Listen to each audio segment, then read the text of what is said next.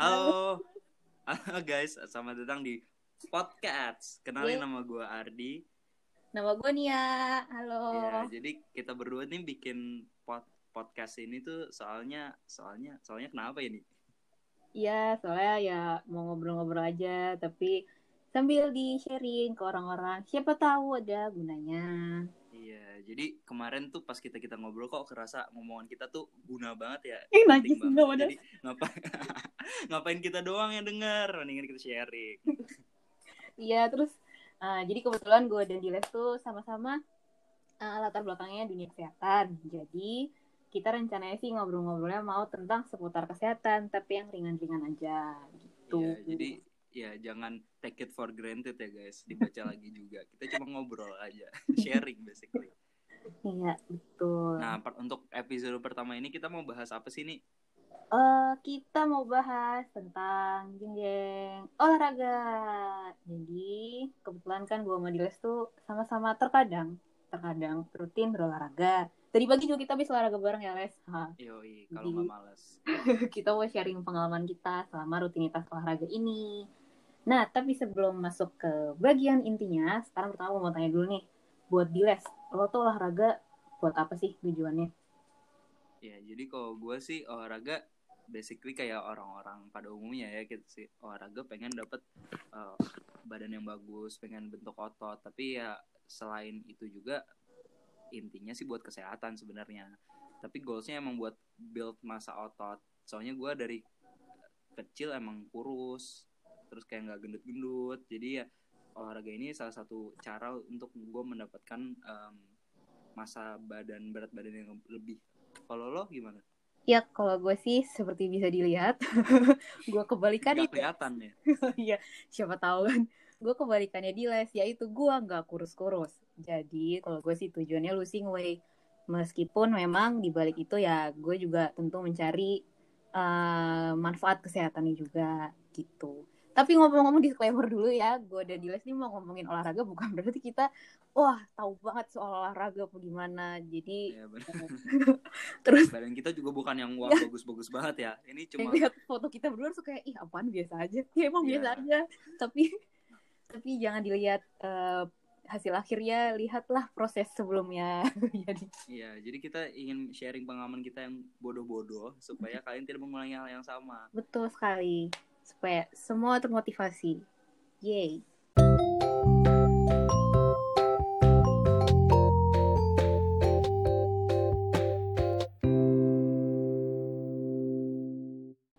Emangnya lu pertama kali mulai olahraga tuh gara-gara apa sih nih? kalau gara-garanya ya tadi ya kan emang gue tuh dari eh, dari mulai SMP tuh gue udah mulai overweight jadi udah mulai merasa gendut dan segala macam tapi gue sendiri sebenarnya pertama kali mencoba olahraga tuh SMA itu nyoba senam diajak eh, sama nyokap. Tapi nggak rutin juga. Untuk yang akhirnya beneran rutin itu waktu gue kuliah. Itu waktu gue kuliah gue pertama kali nyoba daftar gym. Terus beberapa kali ganti gym. Kayaknya tuh gue total nyoba empat gym yang berbeda. Dan di dua gym terakhir tuh gue memakai jasa PT juga gitu meskipun kadang Oh, di gym gue nyoba kelas-kelasnya juga sih. Kadang kan ada kelas-kelas juga tuh di gymnya. Oh, lu emang baru mulai gendut SMP nih? iya waktu habis. Jadi habis itu deh kayaknya gue habis dapet kan. Kayak mulai dari situ kayak hormonal gue mulai bekerja terus kayak wah. Tiba-tiba langsung mengendut begitu. Nah kalau lo sendiri gimana Les? Lo kapan pertama kali nyoba? Atau muncul niat untuk memulai rutinitas olahraga Gue tuh sebenarnya dari ya tadi dari kecil tuh gue emang kurus banget. Terus karena mindset orang zaman dulu kayak olahraga tuh buat ngurusin badan, buat sehat. Kalau kurus tuh emang udah sehat kayak gitu ya. Jadi Hmm. gue emang nggak nggak pernah olahraga sama sekali dari sampai SMA pun paling olahraga gue cuma bultang kadang-kadang doang kalau sebagai game doang sih cuma main. Terus pas SMA pun nyokap gue dulu sempet ngajakin mulai rutin gym tuh Hmm. tapi dia tiba-tiba dia berubah pikiran katanya eh nggak usah gym dulu deh nanti kamu makin malah pendek ngangkat beban malah nggak nggak- boleh lah pokoknya nge-gym pas masih masa-masa pertumbuhan ternyata itu sebuah hal yang sangat salah karena saya tetap pendek dan tetap kurus Iya. jadi em, baru mulai olahraga olahraga gitu sebenarnya pas kuliah sih karena eh, teman-temannya juga udah pada aware akan Iya, olahraga terus Bener-bener. Gue tuh juga kayaknya dulu daftar gym gara-gara ngeliat temen-temen pada banyak yang daftar dipaksa gym sih gitu. gue waktu itu karena ada promo Ah. eh, kayak MLM gitu terus temen gue memaksa gue untuk Oh. daftar gym MLM terus em, ya gitu akhirnya mulai rutin gym ya pas zaman kuliah terus akhirnya jadi kebiasaan ya udah sampai sekarang Oke, nice, nice. terus tapi gue sih ya gym gym sendiri sih tapi lo pernah ikut PT ya nih emang Mm. gimana kalau pakai PT lebih enak ah Gue tuh dulu kan, kayaknya gue tuh awalnya pakai PT disuruh bokap gue deh. Kayak, udah coba aja, siapa tahu lebih. Kayaknya dia capek bayarin gue gym, tapi kok tapi nggak- ada hasil terus ya udah coba pakai jasa PT nih siapa tahu ntar ada bedanya terus emang iya jelas sih soalnya kan gue tuh dulu waktu berenang pertama kali mulai gym clueless banget. Kayak gue nyalain treadmill aja gue nggak tahu caranya gimana. Apalagi di gym banyak alat-alat yang apa sih kompleks banget. Gimana cara makainya dan gue tuh tidak berani bertanya pada siapa pun. Jadi ya sudah semua gue tebak-tebak sendiri. Jadi memang sangat tidak eh, terstruktur yang gue lakukan di dalam gym. Waktu sama PT kan gue tuh datang tinggal ya udah tinggal disuruh sama PT ngapain? PT yang bikin planning olahraganya ngapain? Jadi jelas beda banget sih terutama untuk orang yang malas mencari tahu sendiri seperti gue. Nah terus dia juga eh, PT tuh eh, dia mengarahkan untuk gerakan-gerakan tertentunya kan dia tentunya sambil ngawasin kita ya apakah gerakan kita bener atau enggak. Itu menurut gue berguna banget sih karena kalau misalnya eh, nggak tahu apa-apa terus kayak cuma nyontoh gerakan-gerakan tanpa tahu maksudnya ini tuh ngapain sih kadang bisa juga gerakannya salah nggak optimal jadinya ya ya udah tidak eh, tidak manfaatnya jadi nggak sebagus yang seharusnya gitu. Hmm, Tapi, apa namanya? gue ya gue kenapa ya? Gue tapi eh, sebenarnya kan gue tipe orang yang kalau olahraga tuh atau ke gym tuh sebenarnya sukanya sendirian ya. Jadi agak males kalau harus interaksi sama orang. Cuma sih untungnya gue tuh dua kali gue pakai jasa PT dua-duanya orangnya tuh personalitinya mirip sama gue jadi ya udah nggak yang banyak ngomong gitu loh terus Hmm, tapi ujung-ujungnya tuh kadang jadi awkward sendiri kayak lo kalau misalnya latihan gitu kan ntar kalau di antara repetisi ada interval istirahatnya nggak sih terus iya karena kita terus kalian diem dieman doang Iya, kita berdua sama-sama pendiam. Jadi gue cuma kayak, oh, gue ngos-ngosan sendiri. Dia juga cuma, hmm, dia ngeliatin jam, diam. Jadi itu awkward. Tapi mending sih daripada, gue mendingan seperti itu daripada eh, dipaksa berinteraksi. Padahal gue juga lagi ngos-ngosan. Jadi ya udah gitu.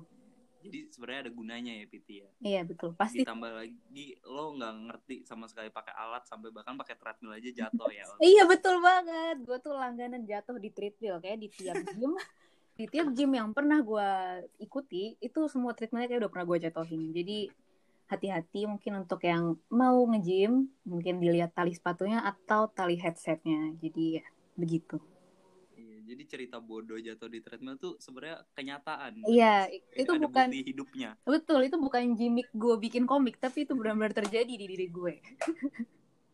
Iya, gue sih dulu gue baru ingat gue juga pernah ikut PT sih kayak beberapa bulan doang karena waktu itu gue pindah dari Jogja terus ke Jakarta itu mulai lagi olahraga tuh males banget karena lu harus new place new people ditambah gue kan orangnya juga males ngomong sama orang-orang baru ya Hmm, ya ya. akhirnya gue pindah ke eh, dekat rumah gue karena itu ada tempat gym yang lumayan dan bukan tempat gym komersil yang overpriced banget Hmm. terus akhirnya gue coba aja karena mau nyoba doang terus ditawarin lah PT karena dia baru buka dan PT itu ownernya dan Oh. harganya tuh murah terus dan dia juga bulky banget kayak cocok nih kayak bisa terus, terus akhirnya gue PT lah sama dia ditawarin frekuensinya mau dua atau tiga kali seminggu karena waktu itu gue masih gabut Hmm. ya sebenarnya sekarang juga gabut Eh, dilakukan lah tiga kali seminggu terus wow ternyata itu dia kayak bikin plannya itu kayak hari ini abs hari ini full body Iya iya iya. Eh, Kalau PT gitu itu pasti kayak beda. sangat bantu sih Hmm. dan dia tipenya emang yang push my limit gitu jadi Oh, kayak oh. Pas misal 15 reps 3 sets terus kayak Hmm. gue udah sep- udah 10 baru 10 udah capek terus dia kayak bisa kamu pasti bisa kamu pasti bisa padahal dia kayak dia "Nggak membuat lo bisa menyadari dia memaksa lo untuk menerobos iya tapi emang guna banget sih gue kayak lebih berguna itu daripada beberapa bulan gue gym sendiri di awal-awal Iya, banget pasti gitu. sih karena kalau- gue nggak tahu gerakannya dan Hmm. Jadi intinya kalau lu olahraga tuh lebih ap- apalagi buat muscle base gitu Iya. itu lebih bagus lu tahu lebih fo- fokus on the form daripada the speed and the Betul, betul, repetition gitu sih Iya. Jadi emang kalau emang ternyata lo mampu memakai jasa PT ya tidak ada salahnya juga sih. Cuma ya udah nggak usah dipaksain juga sebenarnya kadang kalau sekarang kan soalnya udah banyak ya kayak lo bisa cari tahu sendiri di video atau di mana jadi uh, bisa juga menggantikan jasa PT kalau memang lo apa namanya mencari tahu sendiri. iya betul kalau enggak suruh temen lo yang lebih ngerti aja sih Betul, betul, betul, betul. dimanfaatkan lah Iya. pertemanan itu Benar. Oke, terus Nah kalau sekarang kan itu ya kita olahraga udah nggak kemarin-kemarin sih udah nggak gym gak ada yang buka. Kalau sekarang mungkin ada yang buka kali ya. hmm, mungkin kayak kayak gym sekarang udah mulai pada buka sih. Iya, Tapi tapi gue masih nggak berani sih. Betul, gue juga ya udah sih di kamar aja Mager juga ya. dan gak punya duit. Iya betul. Nah terus berarti sekarang kita olahraganya ngapain dong? Nah, kan kita berdua sama-sama di kamar, di kamar kita masing-masing. Kamar- Jangan bukan pengen bareng ya. di kamar berdua. Jadi kalau gue sih um, uh, sama, gue juga lebih di kamar dan gue seringnya pakai video YouTube. Kalau lo sendiri gimana Les? Pakai video YouTube juga apa pakai apa gitu yang lain? Dulu awal-awal gue pakai video YouTube sih, tapi karena gue nggak tahu YouTube yang terpercaya itu mana.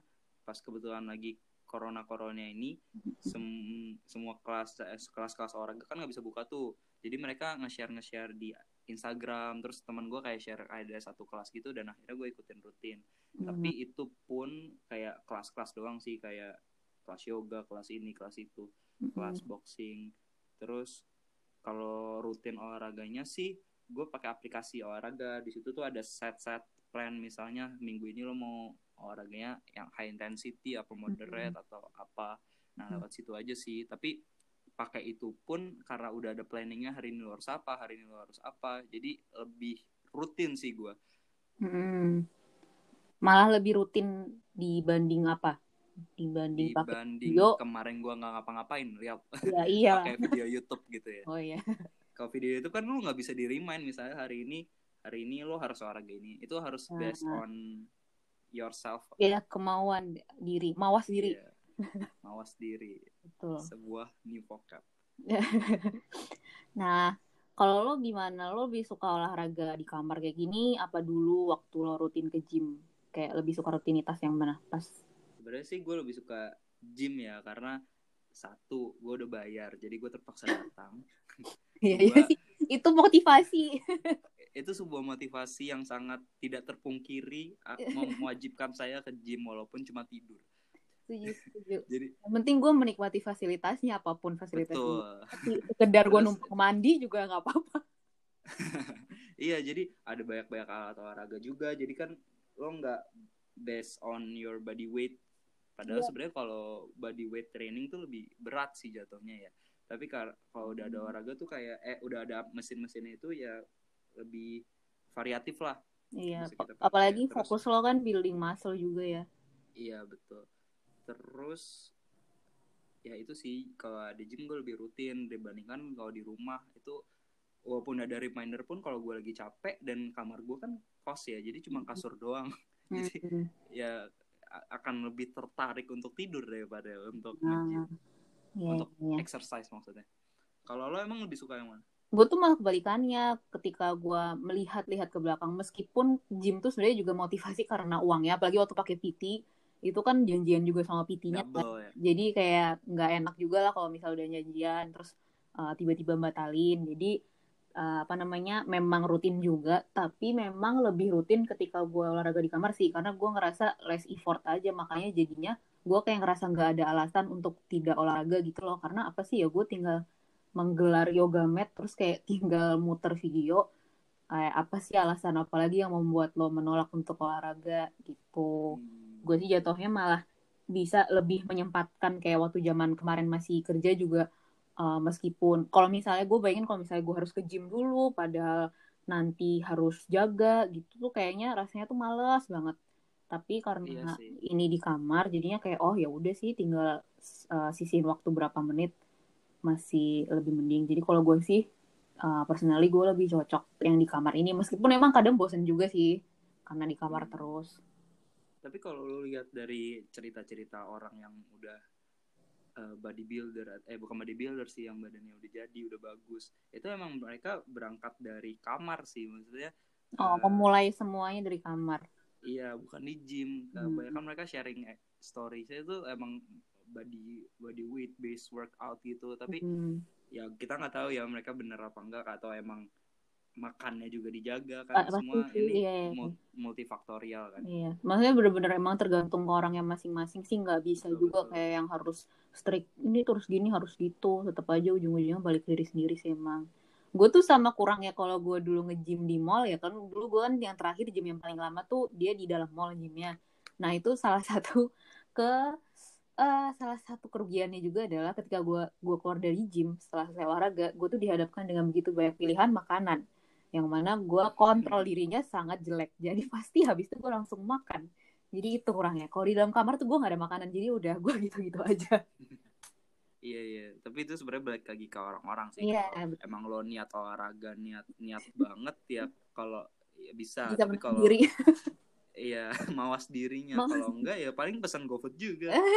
Iya sih. Sama gue tuh juga dulu pengalaman gue waktu awal-awal mulai olahraga ya gue tuh eh, karena baru mulai olahraga kan jadi olahraga gue pun kerasa berat. Jadi gue tuh yang ngerasa kayak anjir gue capek banget gue pasti kalorinya bakarnya banyak banget nih. Kayaknya nggak apa-apa deh kalau habis ini gue eh, makannya agak banyakan dikit. Padahal sebenarnya kalau kayaknya sih nggak sebanyak itu juga kalori yang dibakar Nah, jadi kayak kadang tuh eh, kadang kita terlalu overestimating eh, kalori yang kita bakar dari olahraga itu. Jadinya malah kadang jadi eh, balas dendam gitu kan makannya banyak gitu Padahal dendamnya lebih tinggi daripada Betul. apa yang dikeluarkan ya, penderitaannya. Iya, betul sekali kita Orang-orang zaman sekarang tuh gitu. Padahal kalau lu hitung ya di treadmill itu, gue lari setengah jam, bener-bener lari Hmm. tanpa istirahat atau istirahat satu menit dua menit doang, itu cuma kebakar 300 sampai 500 kalori. iya iya Itu satu porsi nasi goreng Iya, kali bener ya.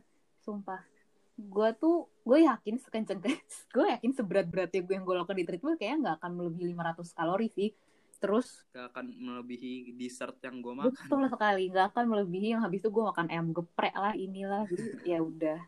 Makanya gue emang uh, progresnya agak lama sih waktu kemarin itu. Karena itu juga kayaknya. Dibanding yang sekarang ketika gue di kamar nih progresnya malah lebih cepet kayaknya karena memang gue makannya juga lebih diatur gitu deh. Itu kan kalau makan habis olahraga ya. Kalau sebelum olahraga lu biasa makan dulu nggak? gue tuh uh, gue kan kalau rutinitasnya sekarang memang sering olahraganya pagi bukan pagi sih ya uh, pagi setelah gue bangun tidur Pagi. yang mana yang mana jam 11 siang tapi gue tuh emang jarang makan pagi ya bukan kebiasaan yang bagus sih cuma ya udah uh, emang gue jarang makan pagi uh, jadinya gue sering banget olahraganya ya udah nggak makan dulu jadi dalam keadaan perut kosong. Sebenarnya sih maksudnya gue nggak ada tujuan tertentu ya bukannya yang kayak dengan sengaja oh gue nggak mau makan dulu sebelum olahraga. Cuma emang karena masalah kebiasaan aja. Soalnya kan sebenarnya ada teori ada yang pernah bilang teori kalau eh, lo olahraga atau kardio dalam keadaan perut kosong itu nanti katanya lemak yang dibakar akan lebih banyak daripada kalau lo makan dalam keadaan perutnya terisi. Nah, terus gue sempat nonton YouTube si youtubernya ini tuh dia nge-review jurnal-jurnal gitu ternyata dari hasil penelitian penelitian jurnal-jurnal itu tuh sebenarnya nggak juga sih sama aja kok eh, tidak berpengaruh juga mau lo makan dulu atau dalam keadaan perut kosong kardionya gitu. Bukan berarti bakal lebih banyak juga lemak yang kebakar kalau dari hasil penelitian jurnalnya Kita udah berat nih ngomongnya. Oh. Udah jurnal ya. gila gila padahal bukan gue yang baca jurnal gue waktu itu tuh sempet kemakan gosip kayak gitu juga. Hmm. Tapi soalnya masuk masuk logika masuk sih. Ketika lo nggak ada gula yang dibakar selanjutnya kan lemak ya baru Hmm. protein. Hmm. Jadi ya otomatis lemak lo lebih kebakar ya. Jadi gue waktu itu sebulan sampai tiga bulan tuh sempet nggak sarapan dulu dan olahraga di pagi hari. Nah Nggak terus nggak kebanting sih maksudnya gue nggak capek-capek banget nggak muntah juga walaupun karena gue cuma di gym cuma treadmill 10 sampai 30 menit dan Banget. sisanya otot bukannya kan high intensity gitu ya olahraganya Mm-mm. Nah tapi waktu itu pas gue malah nggak niatin makan malah uh, lupa makan terus gue sok-sok ikan tetan freeletics yang waktu itu lagi hits tuh uh. nah itu kan olahraganya hit ya jatuh ya kardio plus muscle uh-uh. nah itu tuh gue nggak makan sama sekali cuma makan roti satu lembar. Hmm. dan di tengah-tengah freeletics itu tuh gue kayak kuping gue budek terus gue lemes banget mau muntah tapi malu. Akhirnya gue cuma tiduran di yoga matnya itu. Dan gue melakukannya dua sampai tiga kali mengulang hal yang sama. Oh emang tidak pernah belajar dari pengalaman dan Tapi... ya itu itu gara-gara hipoglikemik sih kekurangan hmm. gula. Jadi basically kalau lu mau olahraga yang high intensity gitu sebenarnya lebih bagus makan. lebih bagus makan dulu ya. Bener. Soalnya apa namanya uh, eh, gue tuh kadang juga gue malas makannya tuh kadang kalau makannya terlalu mepet waktunya tuh kan pas olahraga jadinya nggak enak tuh malah jadi uh, sakit lah perutnya atau mual muntah. Kadang tuh gue kayak apa sih nggak susah ngepasin waktunya gitu loh untuk kalau mau makan sebelum olahraga terus kayak kadang kira-kira butuh berapa menit sih selanya uh, untuk lo makan sebelum olahraga gitu kalau yang gue baca-baca sih sebenarnya kalau dari dengar teman gue dan gue baca-baca sih yang dulu kan temen gue banyak yang suka maraton maraton tuh hmm. itu tuh hmm. kalau mereka tuh sering carbo loading gitu carbo loading tuh biasanya uh, malamnya maratonnya jam 5 mereka malamnya udah makan kayak at least 3 jam gitu tapi kalau misalnya lu nggak uh, kalau yang gue baca sih itu sebenarnya 90 menit aja cukup. Kalau mau makan karbo yang berat kayak makan starch, uh, makan berat gitu ya? Ya nasi. Itu 90 menit lah minimal. Hmm. tapi kalau misalnya lu mau energi uh, glucose search yang cepat gitu kayak permen protein bar coklat banana hmm. itu kayak setengah jam sebelumnya juga nggak apa-apa sebenarnya apa. soalnya nggak nggak memenuhi lambung lo yang bikin hmm. lo muntah gitu ya gue tuh dulu pernah 30 menit sebelum gue nge-gym gue makan nasi pecel terus ya hmm. ya udah semenjak itu, itu gue sebuah kebodohan yang hakiki. Iya kan gitu ya, kita kan selalu belajar dari pengalaman kita. Jadi ya begitu. Asal nggak diulang aja kayak gue. Uh, uh, tapi lo ngulang sih. Gue sih habis itu nggak ngulang. Habis itu gue ya udah tidak melakukan itu lagi. ya udah. Uh, oh iya, terus sama ya. Kalau misalnya sebelum olahraga yang nggak kalah penting juga tuh kan itu loh apa pemanasan. Soalnya kadang gue tuh lupa tiba-tiba ya udah gue langsung mulai aja tuh video YouTube padahal gue nggak warming up dulu iya. gue tuh males males aja nggak sih pemanasan maksudnya dari SD tuh kita disuruh pemanasan pemanasan tapi nggak iya, iya. gunanya apa iya gue tuh iya baru ya ada dari zaman olahraga dulu selalu dibilangin ya kalau dari kecil kayak ayo kita semua pemanasan dulu terus kayak iya tapi tuh ya gue nggak tahu maksud pemanasan tuh apa karena dulu kan olahraga di luar dan udah panas ya. Iya, gue pikirnya oh, yang penting peringatan apa pemanasan itu? saya udah panas pak. Iya gue udah keringetan. Emang harus ngapain lagi? Iya tapi pas ya kuliah setelah kuliah baca-baca ya emang penting ya pemanasan. Apalagi kalau buat berenang itu kan banyak yang muscle cramp terus tenggelam meninggal. Oh, itu karena oh, pemanasan doang. Escalated quickly ya? Iya, escalated quickly. Intinya emang jangan lupa pemanasan. Meskipun gue sendiri sih sering males, tapi ya Uh, kalau sekarang sih kan karena gue pakai video YouTube, untungnya tuh sekarang banyak video YouTube yang kayak dia udah menggabungkan, udah ada warming up-nya dulu, terus nanti di akhir juga tidak lupa ada pendinginan atau cooling down juga. Jadi kayak gue nggak perlu mencari video yang berbeda-beda gitu. Iya betul. Udah digabungin jadi satu, kadang gitu contoh nyatanya kalau kalian nggak pemanasan dan pendinginan itu kalau kalian bangun tidur jam 5 pagi subuh terus masih ngulet-ngulet tiba-tiba kaki kalian ketendang terus pernah nggak sih lo ototnya kram tiba-tiba? Um, jarang tapi pernah sih. Gue kayak sering kayak setahun sekali deh. Itu oh, sakit. itu emang sering ya setahun sekali? Kayaknya. Sering karena itu sakit banget nih. Gue tuh teriak subuh subuh kayak nggak ada orang yang denger.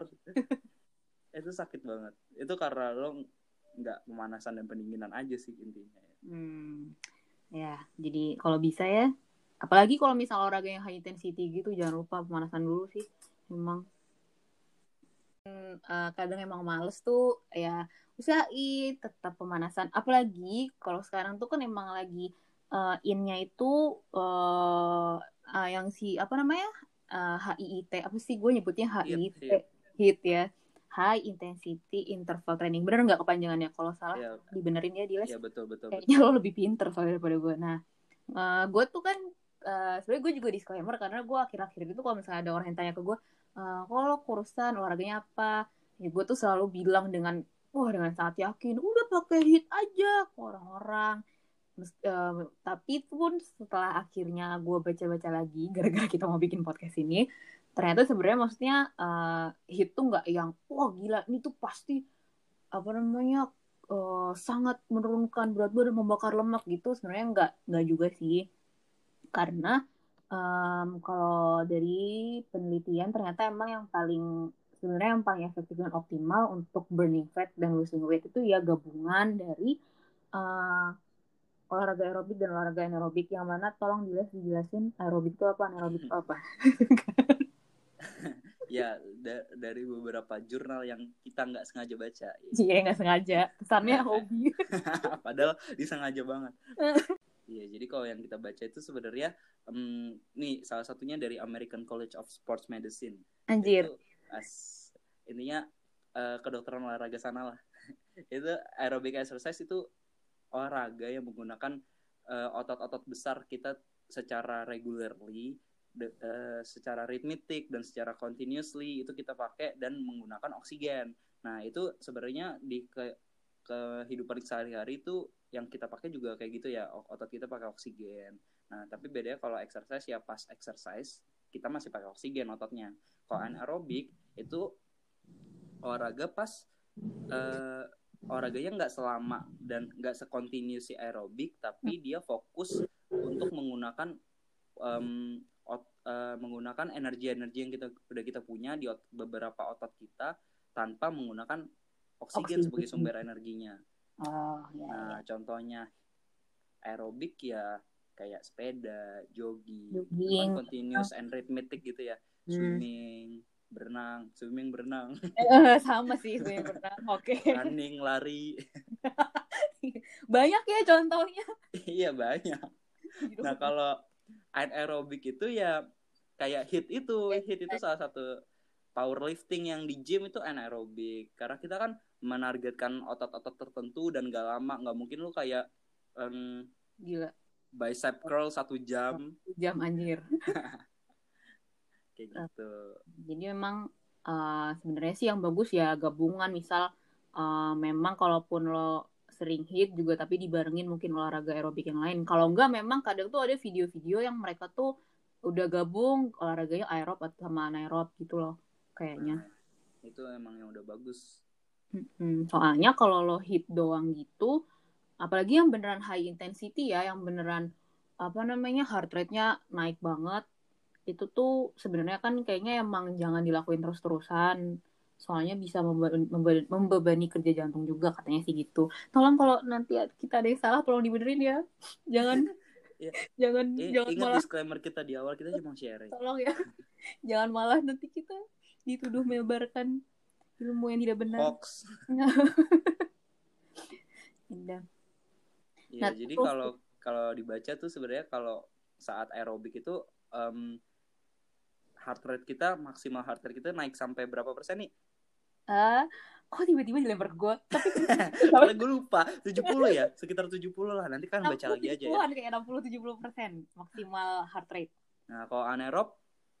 Insya Allah 90 persen. Tolong kalau di nah itu dari maksimal heart rate kita. Jadi kalau kita anaerob kelamaan tuh juga nggak bagus. Karena uh, kita naik 90 per, uh, 90 persen sam untuk max heart rate-nya. Kalau kelamaan ya jantung kita juga capek berhenti ya eh. udah kalau jantung berhenti apa?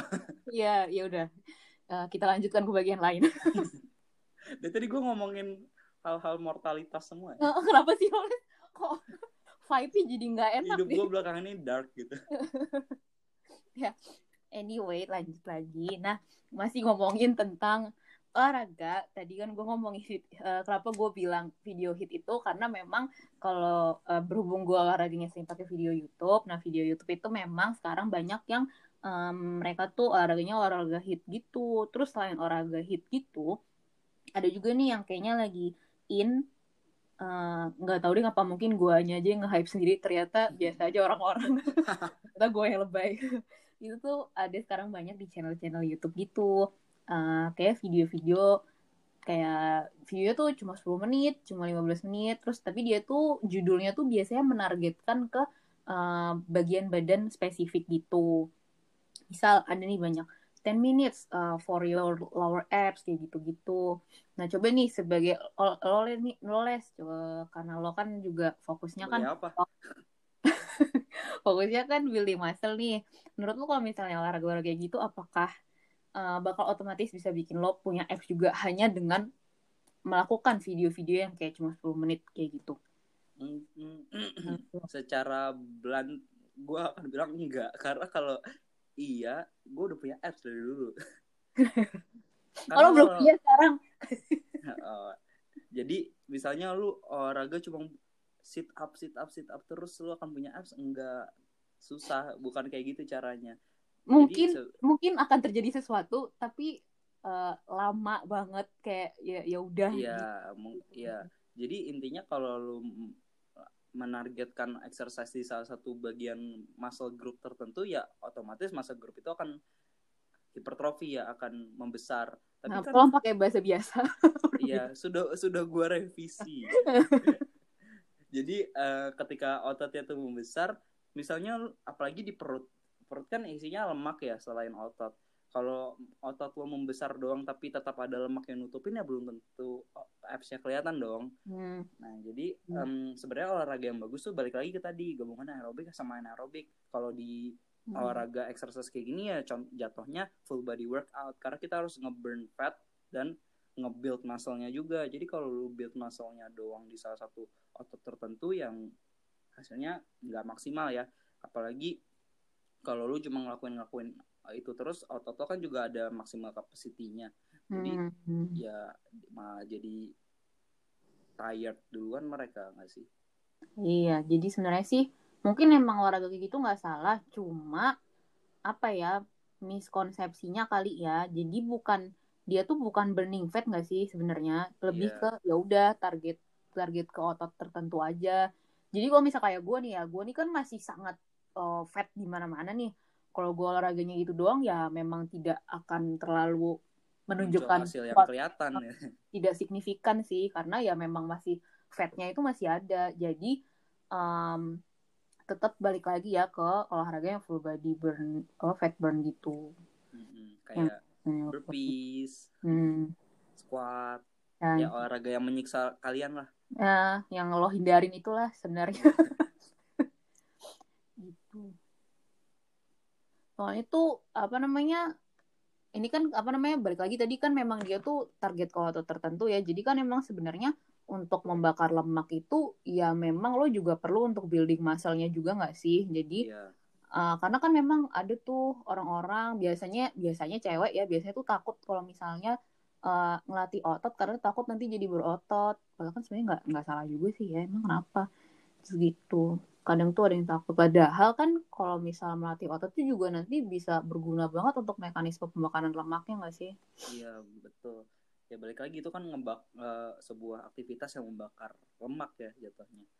Kalau mm -hmm. kalau lu olahraga cuma apalagi cewek-cewek yang mau kurus kalau lu olahraga cuma treadmill doang di gym kayak gitu itu nggak maksimal juga hasilnya. Mm -hmm. ya itu cuma ngebakar ekstra kalori doang lah lu tetap harus melakukan beberapa exercise yang menargetkan otot lo makanya yeah. kalau uh, ngangkat dumbbell gitu-gitu mm-hmm. terus deadlift itu bagus sebenarnya buat cewek Soalnya jatuhnya kan kalau misalnya lo mau building muscle ya jatuhnya juga bisa meningkatkan metabolisme badan lo juga nggak sih secara keseluruhan. Hmm. Yang mana kalau misalnya metabolismenya juga uh, jadi lebih baik, dia juga akan mendukung proses pembakaran kalori yang lebih bagus juga. Jadi ya tidak usah takut kali ya iya. untuk melatih. Ya lu lu juga nggak akan misalnya lu nggak akan tiba-tiba berat beban tiba-tiba besoknya bengkak gitu kan. Iya, Kalau udah mau menuju bengkak ya stop aja. Ya kan segampang itu juga sih sebenarnya untuk jadi berotot. Iya. Hmm. Mengecilkan otot tuh lebih gampang daripada membesarkan. Oh benar-benar. Pengalaman ya pengalaman. Iya. Apalagi kalau misalnya ngomongin tadi ya, kalau lemak perut segala macam itu juga sangat dipengaruhin makanan lo juga gak sih? Iya. Yang kalau gue baca tuh, karena gue sudah rajin baca-baca karena hasil yang tidak tercapai. gua baca tuh apps itu sebenarnya otot dapur kalau orang luar bilang itu tuh a kitchen muscle. Kenapa? Karena eh, apps itu lebih didukung oleh faktor makanan kalian dibandingkan workout kalian, tapi nggak nggak menutup workout nggak ada gunanya juga ya. Hmm. Tuh, tapi itu kita nggak bisa bahas sekarang karena ini aja udah lama banget. Hehehe, kebanyakan ketawa soalnya. Makanya kalau misalnya yang episode ini banyak yang dengerin, nanti eh, kita lanjut deh bikin yang makanan juga. Tapi kita belajar dulu, soalnya kita juga Biar gak banyak hoaxnya. Heeh, kita harus belajar lagi karena nutrisi itu sangat kompleks. Ya, Jadi dan gua nggak ngerti. Sama, Jadi ngerti. nah, sekarang kita langsung aja eh, bahas topik-topik yang lagi hangat nih. Apa emang topiknya lagi? Kayak bawa berita ya. Jadi ini nih yang kemarin dibahas di Twitter, di Instagram, Apa di tuh? Pet, di Tumblr. Siapa pakai pet sekarang? Udah nggak ada, bukan siapa yang pakai. Katanya kalau olahraga tuh nggak boleh pakai masker. Wow. Gimana tuh, Diles? Saya kembalikan ke Ardiles. Kok dibalikin ke gua? Karena Kalau yakin lo yang sebenarnya mau ngomong panjang lebar tentang ini. Jadi sebenarnya teman-teman tujuan utama kita bikin podcast ini awalnya adalah Diles tuh pengen marah-marah, tapi dia nggak mau langsung marah-marah di episode pertama. Jadi kita bikin yang tenang-tenang nanti ini gua cut ya. Jadi kalau olahraganya pakai olahraga di dalam rumah ya sebenarnya nggak nggak perlu ya pakai masker tapi bukan bilang nggak boleh kalau olahraga di luar lu olahraga balik lagi sih sebenarnya. Olahraga tujuannya apa sih? Buat sehat kan intinya. Apalagi di luar yang sepeda jogging Mm-mm. itu kan bukan tujuannya bukan otot ya tapi sehat. Mhm. ya kalau lu mau sehat tapi dapat corona apakah itu sehat? Enggak juga kan. Jadi Betul. kita per, per- per- pertimbangkan lah resiko keuntungannya. Kalau pakai masker sambil olahraga itu ya udah em, sebenarnya ya tapi sebenarnya basically bagusan olahraga di dalam kamar ya tapi kalau kan itu beda-beda tiap orang mungkin ada yang kamarnya kecil banget rumahnya Iya, kecil banget dan- bisa olahraga Dan kadang tuh kalau masalah sepedaan tuh kan sebenarnya sekarang juga orang-orang ada yang kalau kerja atau ke mana pakai sepeda juga gitu loh les. Dan Iya. mereka kan tentunya tetap harus pakai masker kan.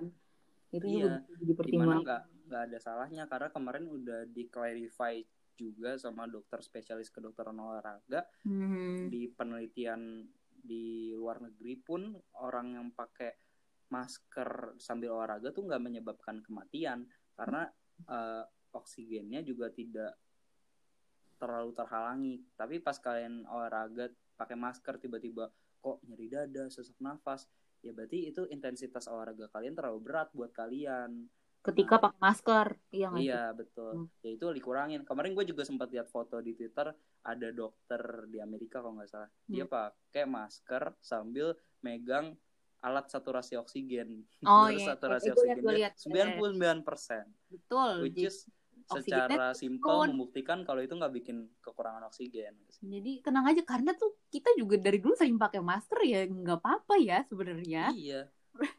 Terus tapi kayak orang tuh ngerasa yang ketika disuruh pakai masker tuh bikin sesek lah. Enggak. Ya ya emang nggak enak, cuma bukan berarti itu lo apa namanya? akan mati nggak ada oksigen. Ya, jadi itu balik lagi kalau lo olahraga pakai masker, terus aduh, kok udah ngos-ngosan banget. Ya udah dari misalnya dari lari ya udah jadi dipelanin jalan dulu. Nggak pakai masker aja lu lari bisa Betul, nyeri dada bisa sesak nafas kok ya. ya. Jadi kan bukan di maskernya masalahnya. Iya betul. Apalagi ya kalau bisa sebenarnya hindari tempat ramai ya. Jangan kayak ngumpul-ngumpul. apa? Ngumpul kayak apa? Kayak CFD kemarin tuh tujuannya apa sih? Ya, bener, Terus bener. orang minggu me- eh, orang ngumpul-ngumpul di GBK olahraga tuh tujuannya apa sih? Gue bingung sebenarnya. kalau di situasi sekarang sih kayaknya mendingan jangan dulu ya. Kalau misal zaman dulu belum ada corona mah silahkan Ya silahkan aja. mangga ya. Cuma kalau sekarang kayak em, gimana ya? Kan memang gak semua orang mungkin punya fasilitas untuk olahraga di rumah lah atau olahraga di sekitar rumah mungkin kayak apa namanya terlalu apa namanya ya fasilitasnya nggak ada. Eh, ya mungkin bisa gak usah olahraga dulu sekarang mungkin Iya. karena gimana ya dia kembali lagi ditimbang-timbang resikonya lebih besar mana dibanding manfaatnya. Kalau enggak ya jogging di komplek aja apa salahnya ya. Ya tapi kalau ternyata kompleknya rame juga sama aja sih.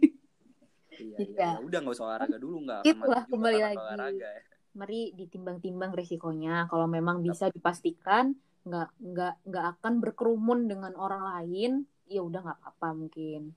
Tapi kalau udah kalau udah jelas-jelas datang ke CFD yang udah jelas bukan cuma kalian yang datang, kayaknya mendingan nggak usah dulu deh. Hmm. Kali ya. Tapi kalau balik lagi alasan yang mau update sosial media ya terserah dah. Oh iya benar. Ya kalau itu kita nggak bisa ngelarang ya. Terus ya balik lagi deh. Um, lagian kalau untuk di masa-masa kayak gini nih, kayak untuk lo mencari alternatif misalnya lo kayak ngerasa udah kebiasaan olahraga nih nggak enak kalau misalnya badannya nggak gerak atau apa ya cobalah kita mencari alternatif-alternatif lain uh, selain olahraga. Jadi misal bisa loh kalau misal aktivitas di rumah gitu kadang bisa juga menjadi bagian dari olahraga aerobik. Itu hmm, daripada nggak ngapa-ngapain yang mendingan melakukan hal sesuatu ya. Mm-mm, bisa di uh, ya pokoknya dicari alternatifnya lah. Sama ini juga berlaku buat kalian yang uh, masih malas untuk memulai olahraga dan kayak ngerasa olahraga tuh berat banget, bisa dimulai dari hal-hal yang kecil dulu. Misalnya, Contohnya? Contohnya adalah ketika di rumah kalian um, bisa mencoba untuk mengepel karena gue udah ngerasain yang namanya ngepel tuh capek. Jadi bisa dicoba. Karena ya uh, di websitenya AHA sendiri, AHA itu adalah AHA apa tuh? Uh, American Heart Association. Gak apa-apa ya kita pakai uh, rekomendasinya dari AHA bukan berarti kita kacung elit global kok. Ini berarti kita memakai rekomendasi yang bisa dipertanggungjawabkan. Jadi tenang saja. Nah, ini tuh dia ada rekomendasi aktivitas fisik. Jadi ada guideline-nya gitu kalau buat orang dewasa untuk kesehatan uh, jantung ya terutama fokusnya bukan untuk losing weight atau apa, lebih ke ya udah untuk maintain kesehatan jantung lo aja. Jadi dia tuh merekomendasikan aktivitas fisik buat orang dewasa tuh dalam satu minggu ya, itu 150 menit uh, moderate intensity aerobic uh, uh, exercise Terus dia tuh juga ngasih contoh gitu. Ternyata tuh kalau di contohnya dia aerobic exercise itu bisa termasuk juga gardening, jadi berkebun. Jadi ternyata memang aktivitas rumah pun dia dia masukin juga loh kok uh, aktivitas aerobik atau olahraga aerobik. Jadi gitu. Hmm.